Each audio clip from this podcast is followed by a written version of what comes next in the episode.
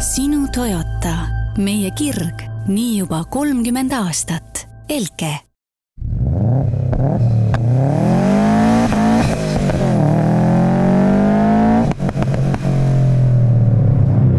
tere ja kena kolmapäeva, istmesoojendus on taas siin, meie viiekümnes juubelisaade. ja, ja saame siin äh, šampanjat kohe pauguga lahti teha, äh, siis niimoodi. Eelarvelistest äh, puudujääkidest tulenevalt šampanjat küll ei ole, aga no, te. teeme siis sellise, noh, kujutame ette, et see šampanja on siin olemas, on ju, teeme selle pauguga lahti ja, ja lähme kohe teemade juurde Äh, esiteks selline huvitav teema, mis puudutab äh, tõenäoliselt paljusid Eesti autojuhte ja kindlasti ka paljusid autojuhte maailmas, on siis akendega all sõitmine. Ja täpsemalt üks uurimus siis, mis hiljuti avaldati, Surrey ülikooli teadlased siis selle uurimuse koostasid. ja nad vaatlesid seal kümmet erinevat suurlinna mis olid siis väga erinevates maailma osades, seal oli Aafrika, Aasia, Euroopa on ju kõik, mis iganes olid olemas. ja räägime siis nagu polu-, polutsioonist või saastest, kuidas see inimesi mõjutab siis, kui nad lahtiste akentega sõidavad. Ja selle tulemused olid siis see, et kui sa sõidad lahtiste akentega, siis olenemata millisest linnast äh,, igal juhul kaheksakümmend protsenti tõstab äh, alla lastud akentega sõitmine siis inimese kokkupuudet äh, õhusaastega. ja kui sa sõidad tipptunnil, siis võib see number küündida isegi üheksakümne protsendini. Vot, äh, samal ajal teadlased jagasid ka soovitusi selle kohta, kuidas siis sõita niimoodi, et see oleks kõige ohutum ja see soovitus oli see, et nagu me eelmises saates rääkisime, kui sul on kliimaautomaatika, on ju, siis kenasti kõik õhuvoolude reguleerimine võiks olla automaatne, kuna autol on filtrid auto teab ise paremini, kus see õhk millisel hetkel peaks läbi liikuma ja, ja niimoodi peakski olema. ja aknad võiks siis olla kinni. Äh, Veli, palju sa ise siin lahtiste akentega sõidad? No ma olen üritanud äh, kasutada siin konditsioneeri nii vähe kui võimalik ja ikkagi väga tihedalt paotan, paotan aknaid küll, et äh, osalt on selles süüdi võib-olla ka mu auto hääl, aga aga lõppkokkuvõttes äh, ikka sõidan, sõidan suht tihedalt just praeguste ilmadega ka niimoodi, et aknad on, ütleme, kuni pool lahti, et äh, sealjuures ma jälgin pigem seda, et kui ma näen, et a la mingi rekka tuleb visuaal, siis ma visuaalselt vaatan mingi tolmupilv on, et siis mm. ma lasen aknad kinni. aga selle saaste ja õhukvaliteedi peale ma ei ole peaaegu kordagi mõelnud, et noh, mida nina ei tunne, seda ei pea ju ometi, seda ei saa ju ometi olemas olla. no vot, aga siin ongi nüüd natukene numbreid veel, et kes arvab, et see probleem ei ole, siis äh, Maailma Terviseorganisatsiooni statistika, et et üheksa inimest kümnest maailmas hingab pidevalt sisse liialt saastunud õhku ja aastas äh, õhusaaste siis tapab umbes äh, seitse miljonit inimest, kas otseselt või kaudselt, on ju. et no siin äh, kas, kas võttis korraks mõtlema? Äh, siin võttis korra selles osas mõtlema, et, et evolutsioonilisest aspektist äh, äkki me elame nii edasi, nagu me oleme, noh, loomulik kadu on loomulik kadu ja toimub mingit sorti kohanemine, et kunagi lihtsalt ma, kui ma olen lugenud siin äh, inimese kui sellise arengu kohta ja siis näiteks ilmnes, et kõige paremate kopsudega on äh, nii-öelda mägedes elavad inimesed, siis mm. mägiinimesed, kes äh,, kes elavad, mida kõrgemal elavad, seda paremini kohastunud nende kopsud on, on põlvkondade kaupa järjest ja, ja ongi parem kopsumaht ja suudavad saada kätte enda eluks vajalikku hapnikku ka vähem õhutihedast õhust. et, et varsti on siis seal eh, kuskil India ja Hiina metropolides on siis need inimesed, kellel on nagu need kopsud, mis kõik selle tahma no, sealt välja imevad. täpselt, on ju, et me, mm. see, see on loomulik kadu selle nimel, et arendada välja ähm, vastupidavamaid inimesi tegelikult äh, mul just endal oli ka selline, ma üldiselt ei sõida aknad lahti, aga mul endal oli just äh, konditsioneer sai tühjaks, on ju. Mhm. siis äh, mingi sihukene periood oli, kus ei olnud nagu võimalik sinna aega ka saada ja ühesõnaga oli nagu palju mingisugust sähkeldamist mingil ajal. ja ma sõitsin ka selle aknad lahti ja tegelikult see oli nagu minu jaoks oli see isiklikult äh, rõve, et mulle mm. meeldib, kui auto on seest täiesti puhas, ei ole mingit tolmu ja kui sul on aknad lahti, siis see tolm koguneb sinna ikkagi Eesti oludes paari päevaga et äh, selles mõttes, selles mõttes see, see on ka nagu väga selge äh, Äh, nagu indikaator sellest, et missugune, kui palju neid äh, osakesi ikkagi mm -hmm. liigub, on ju, ja tegelikult nad samamoodi liiguvad kõik su kopsudesse ja nii edasi, et äh, see ei ole tegelikult midagi sellist, millega tahaks pidevalt kokku puutuda. see on minu isiklik hinnang. okei okay,, aga nüüd räägime hoopis sellisest asjast nagu Ioniq, mis on siis äh, Hyundai uus äh, eraldiseisev bränd. noh, Hyundai on selles mõttes nüüd Euroopa vallutamise tõsiselt ette võtnud, et äh, küll tuleb siin Genesis, luksusbränd, on ju, küll siis tuleb nüüd ainult elektrisõidukitele keskenduv Ioniq, et Ehm, see on jah, siin Hyundai'l endal on olemas juba mudel Ioniq, aga kahjuks äh, pidin ma pettuma, kui ma lugesin seda pressiteadet ja uudist, et nad ei nimeta seda Ionicut ümber Ionica Ionicuks. see jääb ikkagi Hyundai Ionicuks ja edasi siis tulevad äh, numbriliste tähistustega Ioniq sõidukid. jah, et kokku saab tulema siis kolm äh, autot praeguse plaani järgi. see oli vist kas järgneva nelja aasta jooksul vist kolm autot? kaks tuhat kakskümmend üks peaks siis esimene tulema ja nimed on vähemalt praeguse kava kohaselt väga lakoonilised. Ioniq viis, Ioniq kuus ja Ioniq seitse et jah, kas kunagi tulevad siis ühest neljani ka mingid väiksemad asjad? ma ei tea, aga ma loodan seda, et need nimed ei tule päriselt Ioniq viis, Ioniq kuus ja Ioniq seitse, vaid mingil hetkel ikkagi mõeldakse mingisugune vähe kõlavam nimi selle jaoks välja. aga mis need siis on, mis see viis näiteks on? nii, äh, mis meil siis teada on, äh, meil on ainult üks foto nende kohta, kus kolm äh, kena masinat on üles rivistatud. väga siledad, väga. no see on sihuke, see on, see on arusaadav ka, et see on praegu selline ikkagi idee auto no, tasandil on ju see. Need on sellised äh, auto kujul, auto, aimatava auto kujuga plönnid, kus võib-olla see tulede kuju on enam-vähem noh, sihuke üldmulje on see, mis võib mm. päris nagu tootmismudelil jääda, aga. aga muus osas jah, ikkagi nagu väga sihuke aimav on ainult see, see foto paraku mis, mis infot meil siis on, et kõik saavad olema täiselektrilised, ütleme üldine Ioniq, seal oli ka vist üks mudel, mis oli elektriline, üks, mis oli hübriid ja, ja midagi oli seal veel. Äh, Plug-in oli vist. jah, pistikhübriid äh,, nii-öelda tavahübriid ja siis täiselektriline mm, -hmm. et Ioniq oli esimene auto, mida pakuti niimoodi, et äh, ühele kerele pakuti siis äh, kõiki kolme võimalikku varianti.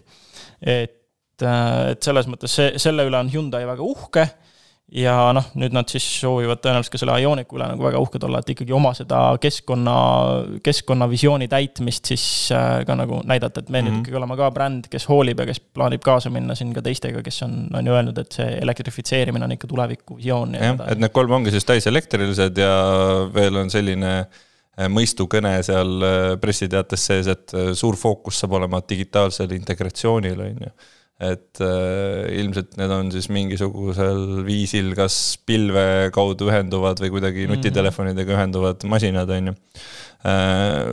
Nendest masinatest konkreetsemalt mudelite kaupa Ioniq viis on siis keskmise suurusega linnamaastur, Ioniq kuus on sihuke sportlikum sedaan ja Ioniq seitse peaks olema suur linnamaastur ja need kõik on siis ühe, ühele samale platvormile ehitatud EGMP platvorm ja selle kohta pole nagu suurt midagi teada. peale selle, et see on ainult elektriautodele mõeldud platvorm. ja see, et Hyundai loomulikult ja. ütles, et see on kõige kõvem elektriautode platvorm, mis meil üldse on ja, ja no, saab haigelt sõita ja, ja nii edasi, on ju. ei no see on, see on selles mõttes äh, positiivne aspekt kindlasti selle juures, et see on täpselt selleks mõeldud platvorm, on see, et Äh, nad ei pea seal arvestama selle auto all selle nii-öelda sisse ehitatud tunneliga, kuhu peavad erinevad asjad ära mahtuma, vaid nad äh, saavadki teha nagu enam-vähem flat põhjaga, seal on rohkem ruumi tõenäoliselt.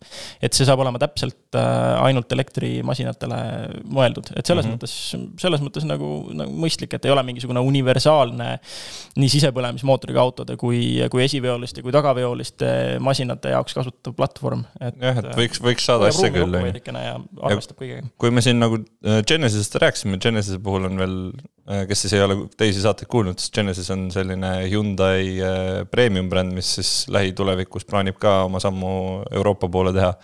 et äh, võrreldes siis sellega, siis Ioniq on ikkagi väga selgelt Hyundai all. et kui Genesis on selline eraldi asi, noh, umbes nagu Volkswagen Grupil on er-, erinevad brändid, on ju, siis, siis Ioniq on ikkagi Hyundai teda hakatakse müüma Hyundai esindustes tõenäoliselt ja mingisuguseid eh, eraldi mis iganes lahendusi, e-, esindusi sinna ei tule. et selles mõttes kindlasti on see ka Eesti poole tulemas ja, ja saame siis täpsemalt näha, mis autodega tegemist on mm. -hmm. aa ja veel selle Ioniqu kohta siis äh, nii palju ka, et äh, Hyundai mitte lihtsalt ei plaani näidata, et nad siis nüüd lähevad kaasa selle elektrifitseerimisega, vaid nad tahavad äh, segmendi liidriks tõusta et mis nad siin ütlevad, aastaks äh, kaks tuhat kakskümmend viis tahavad äh, nad müüa miljon elektrisõidukit ja võtta kümme prossa turuosa endale.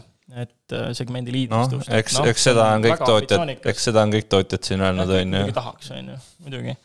aga noh, siin jah, ühesõnaga saame näha lähema paari aasta jooksul et kas tõesti need, need järgmised neli aastat siis ja need kolm uut mudelit suudavad seda visiooni nii jõuliselt jõustada või, või, või siis mitte. Aga nüüd teeme ühe suhteliselt lühikese hüppe Lõuna-Koreast Jaapanisse ja sina saad rääkida sellest, mis sulle kõige enam meeldib. see, see, see tolmu osa, mida sa mainisid siin lahtiste akendega sõitmise juures, see oli ka mulle väga lähedane selle teema juures selles mõttes, et äh, pühapäeval toimus siin Jaapani autode kogunemine linnahalli juures ja no eks ma muidugi võtsin ja lõin enda japsi ka siin seest ja väljast läikima ja eks seda tolmu oli sinna sisse ikka kogunenud küll. aga sama väikse japsiga? väike japs paraku seda, toda ma välja ei ajanud, sest äh, ta ei ole mul veel, ta on veel UK numbris ja pluss ma ei ole, ma ei, ma ei saa kusagilt ühestki otsast öelda, et oleks äh, valmis. piinlik näitama. oleks olnud ühesõnaga no,. mitte piinlik, aga seekord sai veel minna ja olla osa sellest subaristide rodust. et äh, täiesti sellisel Jaapani autode kogunemisel on päris pikalt on olnud nii, et Subarud on ikkagi ülekaalus, et näha on, et mis on eestlaste eelistus siin peamiselt meie ilmastikuolude tõttu. et kui seal oli seda nii-öelda Äh, VRX STi verivaenlaseks peetavat Mitsubishi Lancer Evolutionit. Oli mingi neli-viis erinevat äh, mudelit, äh, erinevaid põlvkondi, siis no Subaruid oli ikka kümme kuni viisteist, et et ikka valdav. no Lance, Lancer Evo väga ei näe jah, meil siin, et see, see, et sa näed STi-d on mitu korda tõenäolisem ka tänavapildis, et. ja, täpselt, et paraku on ka see, et Evode hinnad on eest ära jooksnud ja jällegi, see on, mina, mina kirjutan selle, selle arvele, et et selle nii-öelda vihavaenluse äh, algusest alates on äh, need, kes on sõitnud nii Evode kui STI-dega, võrdlevad ja räägivad, et äh, et esiteks see, et vahe on selles, et üldjuhul inimesed tahavad odavalt teha jõudu, mitte arendada veermikku. Ja Evo lubab seda teha, Evo mootor kannatab palju, aga veermikku ja käsikasti või käigukasti tuleb äh, järele aidata, et seda jõudu hoida. Äh, STI-s sa vastupidiselt, sa saad väga hea šassii, väga hea ja jõudu kannatava veermiku. kõik veovõllid, asjad, kast kannatavad rohkem, aga mootor on selles mõttes jällegi natuke nõrk koht, et seda tuleb targasti ehitada ja kui tahta sellest Evoga võrdväärselt jõudu välja pigistada, siis see läheb lihtsalt palju kallimaks mm. -hmm. aga see on nüüd see pikk jutt, see, mis ei puutu üldse siin Jaapani autode kogu, kogunemisse. et et äh, noh, siin neid neljapäevakuid ja asju on äh, toimunud ju kogu aeg, aga neil on üldsuse silmis pigem selline negatiivne alatoon, et seal ikkagi äh, mängitakse ilgelt palju muusikat, mingisugused tüübid vilistavad rehvi keset parklat äh,, tarbitakse alkoholi, see on niisugune noh, seal seda autokultuuri kui sellist tegelikult on suhteliselt vähe, et seda, et inimesed näitavad oma, oma uhkuse, uhkusega oma hobiautosid, mida nad on ehitanud ja teinud, et tulevad, veeretavad nad platsi ja on oma auto juures ja valmis vastama küsimustele ja rääkima sellest, et mis nad on teinud, mis masinaga tegu on, mis selle eriliseks teeb, mida nad tulevikus plaanivad teha sellega.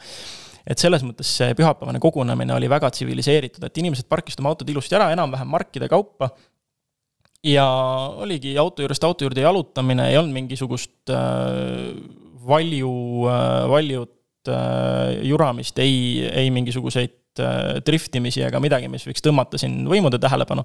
oligi tsiviliseeritud kultuurne kogunemine, kus inimesed said vaadata teiste au ja uhkust ja võtta inspiratsiooni ka enda masinate ehitamiseks et ma väga loodan, et selliseid kogunemisi tuleb meil siin lähiajal veel ja korraldajad ütlesid samamoodi, et nad kindlasti plaanivad neid veel korraldada. et äh, järgmine kord juba pidavat linnahalli juurest kolitama kuskile mujale, eks näis siis kuhu, eks näis, millal on järgmine kord või et kas see jäigi nüüd siin äh, siis selle suvehooaja viimaseks selliseks spetsiifiliseks kogunemiseks. ja noh, minu poolest üldsegi Jaapani autode kogunemisi võiks kindlasti olla rohkem, sest äh, sakslased kogunevad niikuinii iga, iga õhtu pärast tööpäeva lõppu äh, nendes ostukeskuste parklates, et äh, seda, selleks ei ole nagu spetsiifilisi kogunemisi vajagi. Mm.. et japsid paraku, seal oli, seal oli ikkagi haruldasi asju, et äh, seal oli äh, siin kiirete ja vihaste ja Need for Speedi tõttu äh, legendaarseteks ihaldusobjektideks saanud masinaid, siin oli R kolmkümmend neli Skyline'i, tõsi, mitte GTR-i äh,, seal oli R kolmkümmend kaks Skyline'i, samuti mitte GTR-i seal oli neljandakene Suprat, tõsi, mitte topeltturboga kaks JZ GTE-ga masinat no,. tundub aga..., et ikkagi on kõvasti järeleandmisi tehtud, on ju. jah, paraku see on see, et need, need legen-, legemad masinad on hinna mõttes nii ära, eest ära sõitnud, et, et äh, põhimõtteliselt on sul vaadata, et sa võid sama raha eest endale osta mingisuguse kasutatud Ferrari. ja noh, sa peadki olema väga, väga nagu Jaapani autokultuuri äh, inimene, et, et võtta endale ikkagi mingi Supra või Skyline mm.. aga seal oli S15 Silvia, oli üks masin näiteks kohal, mis on Eestis väga haruldane pill. seal oli ähm, kolmsada ZX-e, mida tänavapildis järjest vähemaks jääb, oli mitmeid äh,. seal oli üks väga ilusti korda tehtud kakssada kaheksakümmend Z Äh, siis äh, seitsmekümnendate algusest vist või? No rääkimata ilmselt kolmsada viiskümmend settidest, kolmsada seitsekümmend settidest. kolmsada seitsekümmend mõlemaid oli, seal oli hästi palju, oli Mazda MX-5-i muidugi mm.. Äh, tore oli näha, et äh, nüüd oli juba kaks MR2 Spiderit, et ja linnapildis ma olen neid veelgi rohkem näinud, et mm. kui veel aasta tagasi ma olin, olin näinud ja teadsin vaid ühte numbrimärgi järgi, siis nüüd ma olen näinud umbes kümmet erinevat et neid ikka sigineb juurde ja järjest kirjutavad mulle inimesed, kes ise tegelevad äh, MR2 Spideri ehitamisega ja teevad samasugust äh, kaks ZZ mootori swap'i nagu mina ja kes ehitab lihtsalt, äh, taastab ja teeb nii-öelda noorklassikut, kes teeb ka rajapilli, et siin neid ehitajaid ikka on, et ühesõnaga see Jaapani autode kultuur tundub, et alles hakkab siia, siin nagu sügavamalt kanda kinnitama ja neid ägedamaid masinaid alles vaikselt tuleb juurde.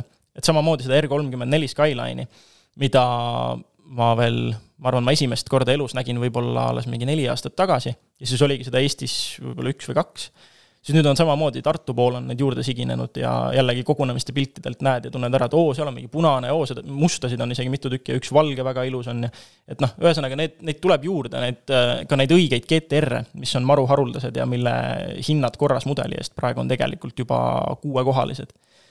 et see on ulme, kuidas need hinnad on tõusnud siin kümne aastaga ütleme, kusagil kolme-neljakordseks on läinud need hinnad samamoodi kui Supratega.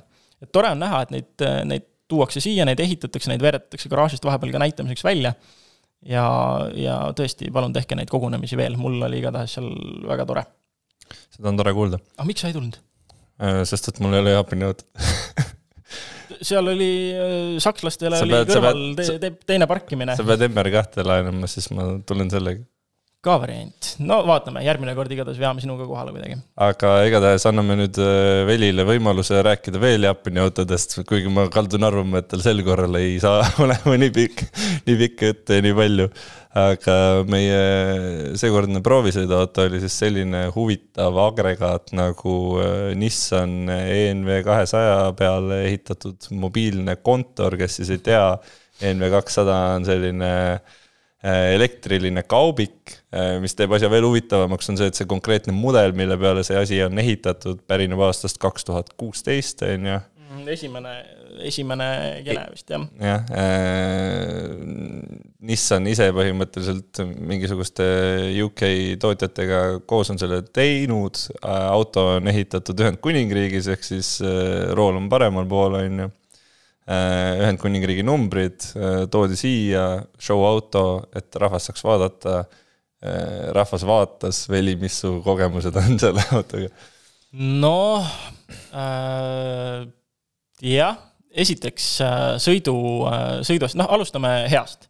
mis mulle meeldis, kaubikule omaselt, väga hea pöörderaadius ähm,, manööverdada maru lihtne Ehm, sõiduulatus paraku kehva, sest noh, esimene kene ikkagi, mis on mingisugune sada kilomeetrit saab vast sõita. Jah, tehniliselt vist numbrite järgi sada kakskümmend kilomeetrit, mingi seitsekümmend kaheksa miili, see oli ka muidugi niisugune mm -hmm. paras arvutamine, et kui sa vaatad, et sul on mingi, ma ei tea, mitu miili, siis hakkad mõtlema, et okei okay,, palju see kilomeetrites on mm, -hmm. et nagu mhm. roolis ei saa ka mingi kalkulaatoris istuda terve aeg ja vaadata, on ju, et äh, siis.... ühe koma kuuega tuleb läbi korrutada, see tuleb osata lihtsalt peast arvutada hästi.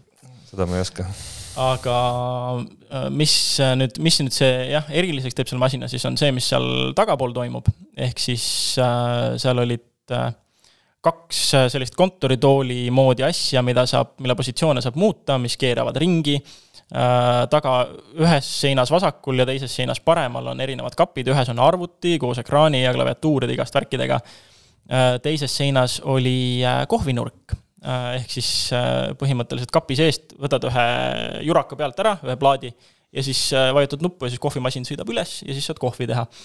tehniliselt ja sealsamas kapis oli ka massilüliti ja suur aku, lülitasid siis sisse ja hakkasid siis toimetama. Ja kui ma sain selle käpa küljest, kohvipulber sisse, käpp külge tagasi ja vajutasin siis, et noh, lase siis vesi soojaks, klõpsti lõi kaitsme välja. No mõtlesin, mis jama, okei okay., proovisin niimoodi, et panin auto käima ka, et äh, äkki ta on ikkagi niimoodi nagu oskab mitmest kohast voolu võtta mm. ja hakkan kohvi tegema, klõps, lõi kaitsme välja, et kohvi ma paraku ei saanudki. aga noh, need asjad on seal olemas, et teha, et ähm, ma ei tea, kusagilt mujalt tuleb siis see soe vesi saada lihtsalt ja noh, arvuti osas kõik selles mõttes, et äge, äge nagu mõte ja nii, eriti praegusel ajal, kui tulemas on äh, võib-olla veel teinegi lockdown. Et äh, selline lahendus, kus sa saad mobiilselt töötada, noh, täiesti tervitatav. aga kogu asjal oli jah, sihuke natuke nagu kiiruga tehtud vibe juures, et ta ikkagi nagu kigises, nagises, kääksus. Äh, asjad oli juba näha, et nad olid veidike väsinud. ma arvan, et see oligi tegelikult pigem amortiseerumisest ja. kui, kui sellest, et see oleks kiiruga tehtud olnud, sellepärast et mul ütleme, paar sõpra, kes töötavad ehitussektoris, vaatasid seda põrandat näiteks mm, ja ütlesid, et vau, et see on nagu väga, väga hästi tehtud põrand, et see oli nagu puitpõrand mm. -hmm. sinna kontorisse siis, kontorisse yeah. maha pandud. et selles mõttes oli, et see põrand oli nende hinnangu kohaselt suurepäraselt tehtud. ja äge oli veel see, et äh, seal on ka päikesetekk taga saad mm. välja tõmmata, siis äh, tagumisest pamperist äh, saad välja tõmmata sellise pikendatava põranda, et äh, teha endale väikse verandalaadse toote. aga noh, kui me tegelikult äh, realistlikult räägime, siis ega sellises kontoris ju tööd teha ei saa. vähemalt mina küll ei saaks, ma nagu üritasin seal simuleerida töö tegemist mingi aeg. natuke kitsuke, jah. jah, e-, eriti noh, ütleme, ma ei tea, mõni lühem inimene võib-olla veel kuidagi topib mm -hmm. ennast sinna ära, aga reaalselt see ei ole minu arust. seal jah, nagu- need toolid ei keera täielikult ringi, seal ei ole põlveruumi, et, äh, et seal praktilisusest jah, jääb puhtalt auto suuruse tõttu veidike mm -hmm. puudu et proovisin ka neid toole eri konfiguratsioonides, eri asendites ja no väga mugav ta ikka ei ole, et äh, et selles mõttes äh, algatus on äge, aga platvormiks äh, sobiks pareminigi veel mõni suurem masin, et aga noh, show auto, eks see ilmselt oligi eesmärk tõestada, et kuule, saab küll niimoodi teha ja noh, põhimõtteliselt ju saab. jaa, täpselt. Ähm, sõites oli veel seda, et äh, sõites need naginad võimendusid eriti mm. ja noh, ka need magnetid seal nende uste küljes on väsinud, et kui üheksakümne kraadisesse kurvi ikkagi minna täiesti okei okay kiirusega päriselt ma ei üritanud Nissani elektrikaubikuga mingisuguseid äkilisemaid manöövreid teha, siis juba väiksest pöördest piisas, äh, piisas, et ta lööks mõne ukse pauguga lahti. et noh, eks magnetid on saanud kuluda ja, ja noh, ju siis, ju siis seetõttu ei hoia nad enam korralikult kinni, seal on mingid lukustid küll ees, aga need on samamoodi ajaga läinud äh, logisema ja ei, ei hoia neid uksi niimoodi kinni, nagu peaks aga ei, lõppkokkuvõttes äh, äge lahendus, ma arvan, et kui seal need äh, titevead kõrvaldada ja võib-olla mingisuguseid featuure sealt eemaldada või midagi natuke ümber paigutada, et ruumi oleks rohkem äh, päriselt toimetada, siis täiesti mõeldav asi, mida, mida tootagi. Ja küll, see on küll nišikas selles mõttes, aga kes teab, äkki turul on sellisele asjale kohta, äkki Nissan peaks nagu teed näitama ja siis see algataks mingit sorti uue segmendi. no eks me saame seda näha aga nüüd lähme nipinurga juurde, et Velil on siin südamel olnud paar äh, olulist teemat, mis puudutavad äh, jalakäijate ja autojuhtide ja autojuhtide ja autojuhtide, ühesõnaga kõigi liikluses olijate omavahelist äh, suhtlemist. jah, see selline viisakas ja teistega arvestav liiklemine on mul alati olnud tegelikult südamelähedane, et autojuhina samamoodi, kui ma saan, siis ma annan aegsasti igasuguste asjade osas märku, on ju, ma Äh, näiteks üks viisakus, mida ei, äh, mida ei õpetata autokoolis, aga mis on lihtsalt nii nagu loogiline mõtlemine, on see, et kui sa näed, et keegi ootab pööret ja sina tuled kaugelt ja ta ei julge minna, siis anna talle märku, mis sa teed või kas võta kiirus maha ja näita, et ta võib minna. või näita, et kui ta ootab kusagil, kusagilt ristuvalt teed, teelt keeramist ja mul on plaanis sinna minna, isegi kui mul on sinna rohkem kui kolm sekundit aega selle manöövrini, mis ma peaksin, on ju, ette näitama kolm sekundit suunda, siis ma näitan juba pikalt ette ära varakult suunatulega, et kuule, ma lähen ka sinna, sa võid minna. ja see toimib, et ma olen ise olnud selles situatsioonis, kus ma ootan ja ootan ja ootan, tuleb mingi auto ja siis mingisugune sekund enne manöövrit paneb suuna sisse ja keerab sinna, kus ma ootan. mul tuleb sellega, sellega seoses meelde, kuidas, ma ei mäleta, kus see oli, aga keegi kirjutas kunagi sellise tabava lause kuskil kommentaariumis või kus iganes. et äh, eestlased kasutavad suunatuld mitte selleks, et manöövrist äh, märku anda, vaid selleks, et manöövrit tähistada jah, ehk teisisõnu mitte. kui sul on juba tehtud, siis sa lased väiksed tuled ka blinkima. ja, ja täpselt, et aga, aga lõppkokkuvõttes ongi see, et me räägime kogu aeg sellest autojuhi poolest, noh, auto podcast siiski. aga nüüd on see väikest viisi üleskutse kõigile neile kuulajatele, kes on tihtipeale ka jalakäija rollis. et või kellel on äh, siin sõpru, kes pigem liiklevad jala. või kes on lihtsalt jalakäijad ja kellel meeldib autodest kuulata. Jah, näiteks, et äh, kujutame endale ette näiteks selle Viru keskuse ristmiku, mis on nüüd tehtud ümber selleks äh, ingliskeelse terminiga scramble ristmikuks, kus jalakäijatel on mingi periood, kus kõik foorid on rohelised ja kõik autod igast suunast seisavad.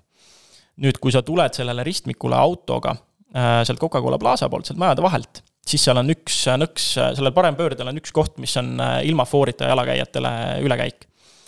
Ja mida ma tihti näen, on see, et äh, kui äh, mul on võimalus minna ja keerata, seal on seda parempööret, sa jääd seal päris kauaks ootama. et kui on seal nendel, kes sõidavad Narva maanteed pidi, on, on roheline, siis noh, sa pead ootama seda õiget hetke, et sa saaksid sinna reastuda ja mida, mis, mis on, mis mulle selle mõtte üldse sellest rääkida pähe tõi, ongi see, et seal oodates need, need jalakäijad, kes seal äh, tahavad saada üle ristmiku, ma ei tea, mis mõte sellel on, aga inimesed lähevad viieteistkümnekesi sellele tillukesele saarele ootama, et neil nüüd see foor läheks roheliseks. et see on see koht, kus jalakäija võiks vaadata natukene ja mõelda korraks nagu autojuht, et äh, kui sul on seal auto, mis ootab ja ootab ja ootab ja sa näed, et äh, sul ei ole tegelikult mõtet sinna saarekesele ronida auto nina eest läbi, ükskõik, et sul on õigus selleks aga sa näed, et praegu oleks autol moment minna, no lase tal minna, anna talle käega märku, mis iganes, sa võid selle hetke oodata. Et äh, natukene sellist arvestust, kui mina autojuhina arvestan äh, jalakäijatega nii palju kui võimalik ja lasen igale poole üle, kui ma olen märganud ja siis, siis võiks vahepeal jalakäijaga proovida, proovida natuke mõelda, sa ei pea selleks olema ise autojuht, sul ei pea selleks olema juhiluba, et mõelda loogiliselt. teine asi on näiteks see, et äh, õhtuti öösiti linnas liigeldes on mitmeid kohti, kus foorid ikkagi toimivad ja kus toimivad ka need, need jalakäija nupuvajutusega foorid, mis lükkavad siin hõredama liiklusega ajal põhimõtteliselt koheselt autojuhil foori punaseks. Mm.. et mitmeid kordi on olnud situatsiooni, kus ma sõidan, ma olen tee peal üksinda, ainuke auto ja ma jõuan sellise foorini ja ma vaatan, jalakäija tuleb, tuleb, on mind märganud, mõtlen, et no nii, kas see on nüüd viisakas inimene. Ja ei, täpselt see moment, kus ma veel jõuan seisma jääda, see moment ta vajutab seda nuppu ja ma jään seisma ja pean ta üle laskma. et ma olen näinud seda situatsiooni, ähm, kusjuures ka siin tihedama liiklusega ajal trammi kõrval sõites. Ja jalakäija tuli ja vaatas, nägi, et tramm, nägi, et auto, ma jälgisin ta silmi, ma olin valmis selleks, ma pean pidurdama. Ja vajutas täpselt sellisel momendil, et juba mul oli põhimõtteliselt ohupidurdus, peaaegu nagu sihuke peaaegu täispidurdus. ja tramm, mis oli minust natuke maad tahapool äh,, tagapool, samamoodi lasi plokki põhimõtteliselt, sellepärast et lihtsalt jalakäija tahtis üle minna ja ei osanud arvestada, et äh, siin tuleb sõiduk, kus inimesed ootavad, mammid lendavad pikali ja ei huvita et võiks natukene näha oma nina otsast kaugemale, mõelda teiste liiklejate peale. et nüüd on siin asi, mida, mida ma soovitaksin just sellisel öisel ja hõreda liiklusega ajal. et tõsi, see ei ole seaduslik, aga olen näinud päris palju mõistlik, mõistlikke inimesi, kes ikkagi seda teevad, et nad kas, kaks varianti, kui sa näed, et üks auto tuleb ja sa oled parasjagu üle minemas, lase see auto üle, siis vajuta nuppu või lase auto üle ära üldse vajuta seda nuppu, et äh, siin äh, kannan üle näite Portugali liikluskultuurist, Portugalis ma elasin oma elu jooksul lõpuks vist äh, üle pooleteise aasta. ja sealne liikluskultuur on äh, öösel täiesti teistsugune kui meil. öösel foorid ei loe. see, et äh, kui, kui sul ei ole liiklust, siis sõidetakse, isegi kui foor on punane, seal ei ole seda, et pannakse foorid kollasele ja vilkuma igal pool kui foor on punane, aga liiklust ei ole, siis sõidetakse. et see võttis mulle päris kaua harjumist aega, et seal sõita, aga piisavalt kohalike utsitamise peale ja nendega koos sõites oli ikkagi see, et lõpuks hakkasid ka sellele liikluskultuurile vastavalt sõitma. et äh, Eestisse ma ilmselgelt seda üle ei kannaks, meil on niigi seda, et nii palju kui saab, pannakse foore kollasena vilkuma öösel aga see oli lihtsalt huvitav sihuke silmi avav äh, asi, et kuidas, kuidas teises riigis äh, asjad äh, käivad. analoogselt sellele, kuidas Ameerikas näiteks punase fooritulega võib ikkagi parempööret sooritada. et jälle täiesti teine ruum, täiesti teine suhtumine ja üks asi, mille ma Portugali liikluskultuurist hea meelega Eestisse tahaks üle tuua, aga millest meil ükski autokool ei räägi, aga mis on jälle niisugune viisakuse, viisakuse asi, on see, et kui sa lähed ringteele autoga, siis ähm, Portugalis näidatakse ka ringi peale jäädes suunda nii-öelda sissepoole. et teised, kes ringide pealesõitude juures ootavad, teaksid arvestada, et nad nüüd ei keera sulle mingil ohtlikul momendil ette. et sa näitadki, näiteks noh, mis on äh, mul hästi tihti juhtunud, on see, et äh, ringteelt tuleb aeg-ajalt teha ka tagasipööret. meil on neid kohti küll, kus ei ole head tagasipöörde kohta ja pead selle tagasipöörde tegema ringteelt ja need autojuhid, kes seal ootavad, on piisavalt kärsitud, et nad näevad, et ma olen kolmanda väljasõidu juures, ahah, tagasipöörde kindlasti ei tee ja kes teeks ringteelt tagasipööret, ma nüüd lähen. ja tulevad ja keeravad ette mm. -hmm. et sellistes situatsioonides ma olen hakanud lihtsalt näitamagi nii-öelda sissepoole suunda, et kuulge, ma jään nüüd peale, ärge keerake ette. et jällegi selline asi, mis, mis tekitab teistele võimaluse arvestada ja mis Portugalis põhjustas väga-väga sihukese sujuva ringteede läbimise. et seal ongi see vool nii, et kui sul on, kui sul on kahe auto vahel sihuke pooleteise auto pikkune avaus nii-öelda, siis äh, see kasutatakse ära. keegi tuleb sinna, sest äh, üksteisega suheldakse nii äh, vahetult ja see ringteede läbimine on, on tavaliikluses väga sihuke, väga sihuke täpne, aga sujuv protsess, et vajas jällegi natuke harjumist, et inimesed niimoodi täpselt ette tulevad. aga põhimõtteliselt sul liiklusvool ei seisku, sest suheldakse üksteisega nii hästi et see on üks asi, mille ma autojuhina hea meelega Eestisse kuidagiviisi üle tooksin äh, ja mida ma ise kasutan. et jällegi viisakus, arvestamine, suhtlus. ja tõesti üleskutse jalakäijatele, kui te näete, et te saate oma viiesekundise ootamisega kellegi elu mugavamaks teha, siis ähm, minu hinnangul on see küll seda väärt. et see on täiesti loogilise mõtlemise asi tegelikult, ma ei tea, kas sul tuleb mõni selline situatsioon või soovitus ette? mul ei ole ühtegi soovitust, aga ma arvan, et sa oled siin ka neid jaganud nüüd äh, niimoodi, et äh, nädalaks ajaks on inimestel soovitusi küll ja veel. ühesõnaga, aitäh teile kõigile kuulamast äh,, jälgige siis Veli soovitusi, jälgige meie saadet ikka ja järgmisel kolmapäeval juba kuulame uuesti, aitäh!